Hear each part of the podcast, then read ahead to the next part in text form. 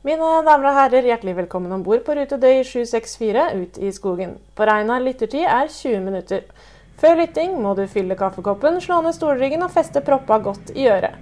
På vegne av kaptein Gotlund og Lyden av skogbruk håper vi du har funnet deg godt rette, og ønsker deg en god tur.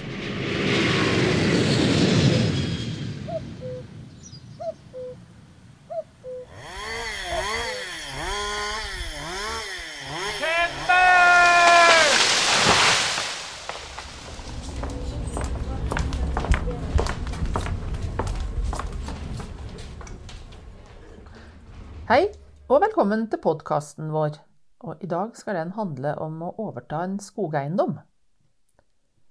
Vi som eh, tar deg med på tur ut i skogbruket i dag, eh, heter Britt og Vibeke. Jeg heter Britt, og jeg er daglig leder i Kvinner i skogbruket, som er en medlemsorganisasjon. Og Vibeke er min eh, andre styrekvinne, eller co-pilote, eller hva er det du sier, Vibeke? Sidekick. Sidekick, ja. Yes. Og Vibeke hun jobber daglig i barnehage. Og sammen så er vi lyden av skogbruk. Det er vi. Og i dag så skal vi skrangle om å overta en skogseiendom som er i familiens eie fra før. Og Britt, du som begynner å dra deg litt opp i åra, det var lenge siden du satte i gang den prosessen, eller? Snakker vi 90-tallet? Eh, ja, faktisk så prater vi 90-tallet når det gjelder å prøve å starte prosessen med å overta en eiendom. Ja, for det er kanskje ikke bare? Nei, det er eh, noen ganger ikke bærebære. Og det er fordi det er følelser med i sving. Det er eh, eiendom og en boplass og kanskje en arbeidsplass òg, som en generasjon har et forhold til.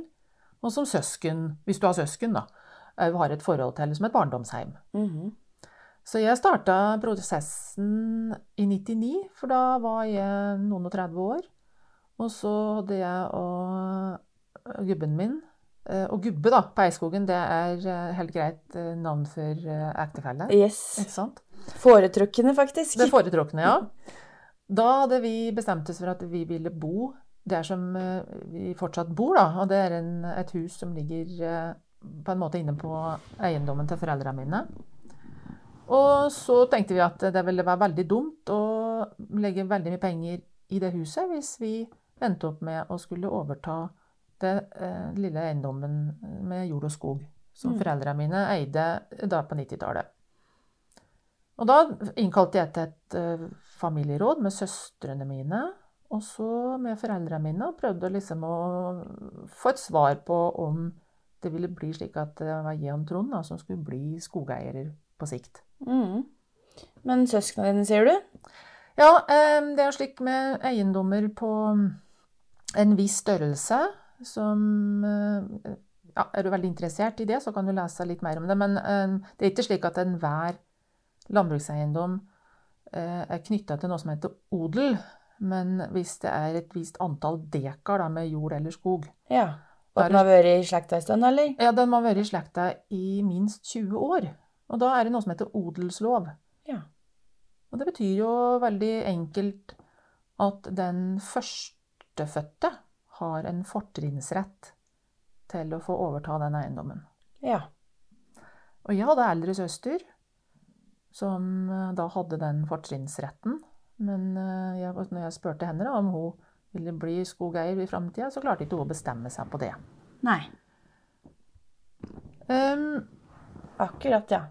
Men så den rekkefølga, den er fast uansett? Altså uavhengig av kjønn, eh, inntekt, høyde, bredde? Eh, Høyde over havet. eh, skonummer. ja, eh, eh, fra 2009. Nå er den, nå er den helt eh, kjønnsnøytral. Ja. Eh, Da var det kom den siste forandringen. Men eh, fra Den ble innført i 1814, eh, så den er grunnlovsfestet, da. Ja. Og da var det i veldig lang tid da er menns privilegiet å få løv å overta en landbrukseiendom etter foreldra sine. ja. Så hvis du var dame, så Ja, jeg er litt usikker på om det var sånn at du ikke hadde odel i det hele tatt, eller om du bare alltid stilte bakerst i køen. Ja. Ja, jeg har ikke studert bra nå. Men eh, i 1974 så fikk vi loven om likestilling mellom kjønn i Norge. Og da ble det gitt en tilbakevirkende kraft på dette med odel, som gjorde at eh, hvis du var født etter 1965, så hadde den førstefødte odelsretten, uansett om du var gutt eller jente. Men, eh, men det var ikke da før enn i 2009 at det var helt uavhengig av når du var født. da. Ja. Guri malla. Ja, Guri malla, kan du si. Ja, det var sent ute, syns jeg. Veldig sent ute. Ja. Men eh, bra det er sånn nå, da. At eh, er du født, så har du odel. Er du født, så har du odel. Eh, og, og da kan du jo lese mer om odelsloven hvis du er en lytter som er interessert i dette. På f.eks. hva er det vi har titta på? Regjeringen.no. ja, og Lovdata. Lovdata. Og så syns jeg det er kjempeviktig at eh, uansett eh, om ting er avklart i rekkefølgen, så kan det være andre ting som er viktig å få avklart når en eh, eiendom skal skifte eier innom en familie. Mm. Eh, Og det kan være slik som hvor skal de, den eldre generasjonen gjøre av seg når de selger? Ja, for det er ikke sånn at de må sende dem til skogs. Bli Nei. satt ut. Blir satt ut til skogs, eh, eller må flytte i en leilighet eh, langt vekk fra gården. Ja. Det er veldig vanlig at eh, den generasjonen som selger, forbeholder seg visse rettigheter. F.eks. at de kan bo på gården, bygge seg et hus på gården og være det som heter kårfolk. ja. Aner ikke hva det uttrykket står for. Nei, jeg kjenner bare fra ordresaken, jeg. oi, oi, oi. Eh, Gud forby at det skjer noen ordresaker. Yes. Noe For det kan jo være et sårt tema med odel, altså. Det kan være et sårt tema. Å Ta over uh, gard. Ja. Det tror jeg er litt kan fort, eh, Hvis det ikke blir redegjort, da, så kan det jo fort skjære seg litt. Ja, Så mitt råd, eh, det kan være å gjøre- det sånn som vi gjorde i min eh, familie, da. At eh, vi hadde en regnskapsfører som er kun jobber med eiendomsoverdragelser, og som synliggjorde, synliggjorde for oss de fordelene som fantes i systemet, og hvilke ting vi måtte passes for, da, slik at ikke det ble ulemper for den generasjonen som selger, eller den generasjonen Ja. som kjøper. Og så er det veldig viktig det med odel, da. Det er jo at du har en rettighet til å få overta den eiendommen, men du må jo betale for den, selvfølgelig. Ja, ja, ja. Det er ikke gratis. Nei, nei. Du skal, og de penga som du kjøper den gården for, da, de kan jo f.eks. selgeren, som- regel foreldra, kanskje dele ut til eh, barna tilbake. Ja. Dele ut tilbake. Det må du jo bestemme sjøl. Eller kanskje de som selger eiendommen, trenger de penga til å kjøpe seg et annet hus. Ja. Så mm, i mitt tilfelle da, så hadde jo jeg og mannen min bygd et hus. Det gjorde vi da i år 2000. Mm. Så når jeg overtok i 2012, så ble det bestemt at eh, mora mi har en borett i det huset som er mitt barndomsheim. Mm. Eh, Og så når hun har en borett, så setter vi en verdi på den boretten. Og så ble den summen trukket ifra i kjøpesummen. Ja. Så da fikk hun et sted å bo, eh, og jeg kunne kjøpe ut eiendommen billigere. Og alle er fornøyde. Ja, det er jo fint, for da har det huset en, eh, en beboer som trives der, og som tar vare på det. Og så kan jo mine søstre da fortsatt ha sitt barndomsheim på en Mhm. måte, og dra dit og besøke det. Ja. Så det fungerer. Så bra. Ja. Så det var åssen vi gjorde. det. Og du da, Vibeke, du har vel en prosess på gang, du òg? Eh, ja, eh, oss er det veldig god stemning eh, foreløpig, iallfall. Eh, Sett som vi ikke har pratet om verken pris eller tidspunkt. Men eh, bestemt iallfall at det er jeg som skal ta over, da. Jeg har jo eldre søster, men eh, sånn som det på bygda, så finner jo ofte folk andre med gard. Så de har tatt over da hans sitt eh, stelle, eh, der han kommer fra, og så skal jeg ta over, da. Hjemme hos Men det blir ikke ingen ungfåla som tar over, jeg heller. Altså det, jeg har fortsatt spreke foreldre, så Ja, så kanskje du blir sånn klassisk midt i 40-åra. antageligvis. Ja. Må skrape sammen noe penger først. Det er så. Eh, og jeg var 46, da. Ja. Som er veldig, veldig typisk tidspunkt å overta en landbrukseiendom på. Mm. Ja, eh, nå har vi skravla litt. ja. Du har skravla med Raud, du? Ja, jeg har skravla med Maren, som er ei dame. Ung dame. Så hun blir ikke 46 før hun overtar. Nei. Så nå kan vi bare sette over til samtaler med Maren. Og så skal vi høre hvordan hun og familien hennes eh, planlegger en overdragelse. Så bra. Maren Hansen, hvem er du? Jeg er eh, 35 år, singel og fra Nes på Romerike. Og når skal du bli skogeier? Jeg blir skogeier om eh, to år, cirka. Jeg driver og skal ta over gården der vi er født og oppvokst. Eh, Der hører det til en skogteig på ca. 1100 mål. Og så er det i dag så driver vi 950 mål med kønn uh, i tillegg. Der er det Mesteparten er vel egentlig for- noe som vi forpakter, da. Og det har vi gjort i mange år, og det er målet å fortsette med. Og da må jeg jo spørre, hva er det å forpakte? Da leier vi. Eh, jord vi leier, og det, dette er leies av naboer og folk rundt her da, som ikke vil drive sin egen jord, men vi vil fortsette å drive, og jeg vil fortsette å drive, og da må det opp på såpass da, som så store arealer for at det skal kunne lønne seg, men jeg må fortsette å ha en jobb ved siden av, da, for jeg klarer ikke å leve av bare, bare 1000 mål med jord. Skjønner.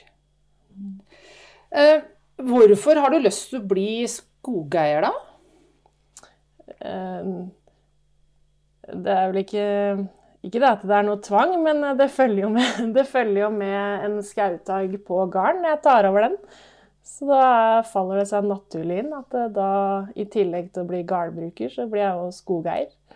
Men du syns det er greit at du blir skogeier samtidig som du blir jordbruker? Ja, det syns jeg er helt greit. Passer meg bra, det. Hva slags skogeier eh, har du tenkt å bli, da? En skogeier er en som må forvalte skauen sin. eh, Og passe på at eh, den nå fortsetter å vokse og gro, men nå, med tanke på det mangfoldet og det, de artene som faktisk lever i skogen. Da. Det er ikke bare trestammen som vi må passe på, men alt, som vekser, alt annet som vokser, og alt annet som blir født i skauen av fugler og dyr. og det må passes på. Det er en skogeiers ansvar. Men, men du har tenkt at du skal være en skogeier som, som hugger skogen din og selger tømmeret når det er muligheter for det? Ja, det er noe en skogeier må gjøre. Det er eh, Kan ikke bare la den stå og råtne på rot. Da, det å eie skog er jo òg et sted man har kapital, og et sted man faktisk tjener penger. Men alt er en balanse, tenker jeg, da. Det høres veldig fornuftig ut. Og da kommer jeg et spørsmål her vet du, som kanskje noen lurer litt på. Når en er skogeier, eh, har en da muligheten til å jakte i den skogen? Ja. Du får jo jakt Det tilhører jo jaktretter på en skogei, skogeiendom. Skal du jakte sjøl, eller? Ja, skal jo det. Jeg jakter jo Det har jeg gjort siden tidenes morgen, tror jeg.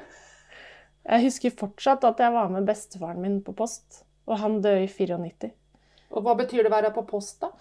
Da sitter du ute i skauen, da, kanskje ved en trestamme, og lytter og hører på fuglen og hører på alle lyder som er. Sitter helt rolig. Får ikke lov til å si noe, da, for jeg er på elgjakt.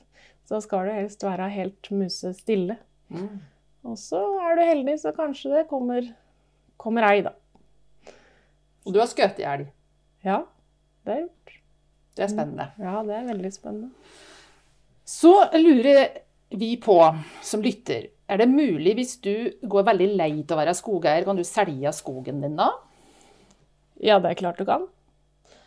Eh, Men eh, å bli lei av å drive skau, da, da, da skal du være lei, altså. For den eh, Det er ikke mye du gjør der i forhold til hva du faktisk gjør i en van, vanlig jobb. Så pleier jo den skauen seg sjøl. Eh, Men ikke helt, ikke helt seg sjøl. Nei. Det er klart du har noen timer der. Men kontra mange andre jobber, så du kan aldri bli lei av å drive en skau.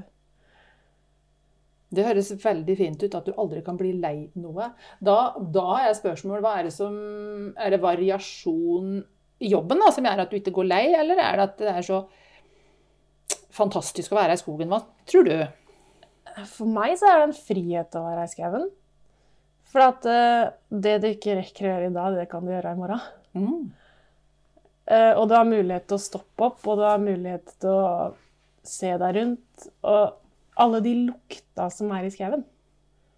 Bare det å få lov til å kunne gå ut og gå i skauen og lukte, bare nå på sommeren eller høsten eller våren, da, og høre på alle de lyda.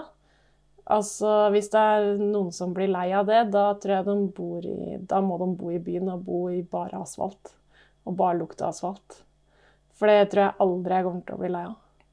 Eller kanskje de som har lukta veldig mye asfalt, ikke skjønner hva de går glipp av? Ja, eller det. Eller det. Det er jeg egentlig helt enig i. Men- og det er vel sånn det Kanskje inntrykket mitt, da, er at det er kanskje sånn det er for folk flest. At, det, at de, ja, de ikke veit hva de går glipp av. Er det Man kunne ja mye for å være skogeier, syns du? Eller hva må en kunne for å være skogeier? Nei, du må ikke kunne noen ting. Men jeg har vært veldig opptatt av at jeg vil suge til meg alt jeg kan, og alt jeg kan lære. Så at eh, du må jo på en måte være åpen for å lære noe, da. Tenker jeg. Og stille spørsmål, være med på det du har muligheten til å være med på for å tilegne deg kunnskap. Men for å kjøpe en skau, så da trenger du egentlig bare kapitalen og nok penger til å, til å kjøpe den skauen eventuelt, da. Så du trenger penger egentlig helt grunnleggende for å bli skogeier. Ja. Men du sier at du vil lære deg ting først. Og, og hvordan, har du, hvor går du på skole, liksom? Eller hva, hva slags, uh, hvor lærer du deg ting hen? Eh, akkurat nå går jeg på Jeg tar sånn voksenopplæring. Eh, eh, agronomutdanning på Vann videregående. Eh, og der har vi skogbruk og skog som egne fag, rett og slett. Eh, så der lærer vi mye, og jeg lærer mye av faren min. Jeg, søker hele tida etter hvis han skal i skauen eller se på skauen, så da vil jeg helst være med, da. Eh, når han tar med seg disse her eh, karta sine og, og reiser. Og når vi har besøk av disse her som er i Det er Viken. Viken, ja. Ja. Mm -hmm. så det er ikke så lenge siden vi hadde besøk av Aksel Heiberg her. Og da er jeg fort på plass og tar med meg en kaffekopp og, og sitter og lytter, og kanskje også stiller litt spørsmål. da. Mm. For at eh, hvis du ikke gjør det, så lærer du heller ingenting. Og da må vi um, si at det som, når vi sier Viken her, da, så mener vi det som heter Viken skog. Det er ikke Viken fylke, eh, men den organisasjonen som heter Viken skog. Som blant skogbrukere da bare heter Viken. Ja, Og så lurer kanskje noen på er det dyrt å kjøpe skog. Har du, Veit du hva du skal betale for den, den gården og den skogen? Nei, jeg veit ikke det ennå, for det har vi ikke hatt eh, Det har ikke jeg hatt oppe til høring i familierådet ennå. Så hva jeg skal betale for, eh, for garn og for eh, skauen, det, det vil tiden vise. Men eh, for meg så er det viktig at det blir rettferdig for meg, og det er viktig at det blir rettferdig for brødrene mine òg, som da ikke har muligheten til å ta over verken Skauteigen eller garden vi nå jeg, garnet jeg bor på, da. Eh, Og at det blir rettferdig for alle parter. Så at eh, det skal føles riktig, og at man kan fortsette å bo her uten at det skal bli en konflikt ut av det. Ja, det er viktig. da. Eh, Så kanskje noen har hørt om når en, når en driver med jord og skogbruk, så er det noe som heter odel. Har du odel? Nei. Eh, Jeg er faktisk minst. Ja. Så jeg har eh, en eldrebror, eldre bror, eller to eldre brødre. Eh, Og da har det seg faktisk sånn at eh, mora vår da, hun er òg fra en egen gard lengst nord i bygda her. Så foreldra våre de drev jo to gårder ei stund. Eh, Og da endte det opp med at han eldste broren vår han tok over den gården oppe i fallet. -hmm. Som da er der hvor mora vår er født og oppvokst. Så da falt jo odelen hans falt vekk på den gården her. Og så har jeg en eldrebror som har eh, gifta seg inn faktisk på en gard på eh, Årnes, han som mellomste. Eh, Den gården er jo helt bygd ned av bolighus. Så det er jo ingenting igjen. Så det eneste de bor i, er jo huset og stabbur og låven som står igjen da, midt inni dette her. Og han, de, han har heller ikke noe interesse av å ta over her, og da falt det seg sånn at da hadde jeg muligheten da, til å ta over denne gården her og drifte her. Og det kunne jeg jo ikke si nei til. Nei. Det er ikke det at det ikke er noe sånn at man føler at man Jeg har aldri følt at jeg må. må. Aldri følt at det har vært noe press på det heller. Så det er jo helt fullstendig frivillig. Men det her er noe jeg vil, og jeg tenker at i hvert fall med framtida så, så mener jeg at det er viktig å drive både jorda og skauen. Hvorfor?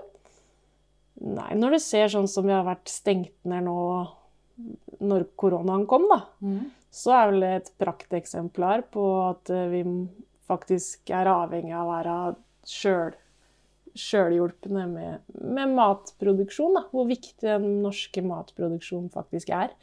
Mener jeg at vi og bønder og skogbrukere og for den saks skyld må bli flinkere til å snakke positivt om seg sjøl og på en måte fremme det vi faktisk driver med, sånn at den norske forbrukeren får litt øya opp for hvor bra den norske matproduksjonen og hvor viktig det faktisk er. da. Og ikke minst at vi faktisk driver norsk skogbruk etter forholdsvis strenge regler. Ja, det er veldig strengt. Ja. Det er ikke bare bare. Helt til slutt, Maren Hansen. Når du ikke er bonde, hva driver du med da? Jeg er flyvertinne. Oi! Ja. Det, kjenner du mange skog, eh, framtidige skogeiere som er flyverter? Nei. Nå må jeg nesten tenke om jeg jobber sammen Jeg tror jeg jobber sammen med ei, og hun heter Ada Josefine Gudim. Hun er jeg kollega med, og hun har vel drivet, hun har jo drevet med sånne motorsagkonkurranser og um, alt som er. Og hun er vel Hun bor ute i Rakkestad, mener jeg hun gjør. Eh, Jeg har ikke snakka så mye med henne, for at når du jobber som flyvertinne på Gardermoen, og vi er 1000 ansatte, så er det liksom sånn hei og ha det. Så jeg har jobba med henne et par ganger da, i løpet av disse åra. Mm. Men det bekrefter bare at eh, for å være skogeier, så kreves det ikke noe spesielt av deg, annet enn at du er skogeier, og at du tar det ansvaret med å være skogeier. Og så kan du gjøre hva du vil ellers. Mm. Om du er flyvert, eller om du er pianist, eller om du er bonde. Det spiller ingen rolle. Stor grad av sunn fornuft, da. Stor grad av sunn fornuft, så blir det bra skogbruk. Ja. Tusen hjertelig takk for praten, Maren, og lykke til som framtidig skogeier. Tusen takk. Kvinner i skogbruket er Norges eneste faglig sosiale nettverk for deg som er kvinne og som har ditt hjerte i skogbruket. Kanskje eier du skog, eller skal bli skogeier, du jobber i eller studerer skogbruk. Kanskje du er generelt interessert og nysgjerrig og vil lære mer om en bærekraftig bransje med mange muligheter. Vi har ulike aktiviteter og arrangementer, og du kan bli bedre kjent med oss via Facebook, Instagram eller hjemmesiden vår. For å bli medlem, gå inn på kvinneriskogbruket.no. Det var Maren. Det var Maren. Skal vi oppsummere, da? Ja, det får vi ensen gjøre. Maren var inne på, eller Vi var inne på mange ting i samtalen med Maren, men vi velger å oppsummere med en tre hovedting. Og det ene er at eh, Maren ønsker å være skogeier som tar både vare på naturen og tar vare på skogbruket sitt. Altså hun vil ha et mangfold i skogen, men hun vil utnytte tømmerressursene som en økonomisk ressurs. Ja. Og hun var jo veldig glad i jakt, hørtes det ut som, så jaktmulighetene benytter hun seg av. Som er en veldig motvekt da, til den flyvertinnejobben for øvrig. Eh, som og ikke er hennes eneste jobb. Hun har jo òg stemmen på introen vår på podkasten her. Det er Maren, vet du. Ja, det er det. Ja, Um, og så må vi si det at um, Maren eh, gleder seg uh, til å ta overta, men eh, vi er oppmerksomme på da at hun har ikke tatt tak i det her prisspørsmålet, da. Nei. Så ehm, store overhengende skya, som regel. det kan være overhengende sky, men det er veldig avklart i dette tilfellet da, at det er Maren som skal overta. Ja. Og det er jo det viktigste. Det er det viktigste. Og så vil jeg helt sikkert tro at den familien klarer å skaffe seg hjelp og sette seg ned og finne en, en pris som er bra for både foreldregenerasjonen, for Maren og for søsknene hennes. Ja. Eh, og vi må presisere at eh, det er jo fullt mulig å kjøpe skog på åpent marked. Du må jo ikke arve eller odle noen ting. Eh, Men Og- hvis det er odel på den skogen som du ønsker å kjøpe, ja, hva skal du passe på da? da er det seks måneder at noen kan komme og si ifra at vet du hva, jeg har lyst på denne skogflekken her allikevel, det. For det er odel. Ja.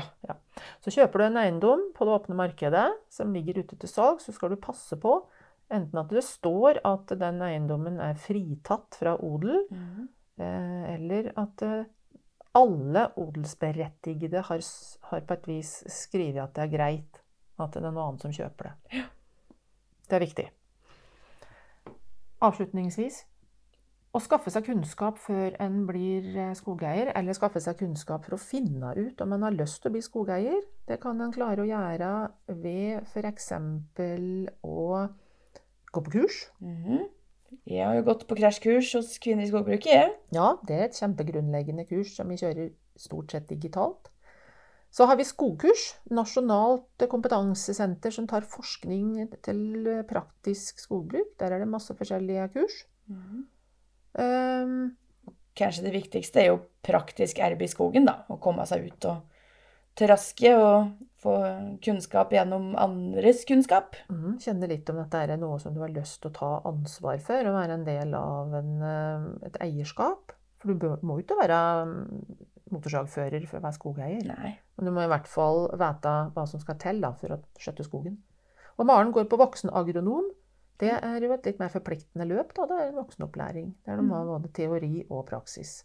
Fins på forskjellige, stort sett eh, videregående skoler med naturbruk rundt omkring i Norge. Ja.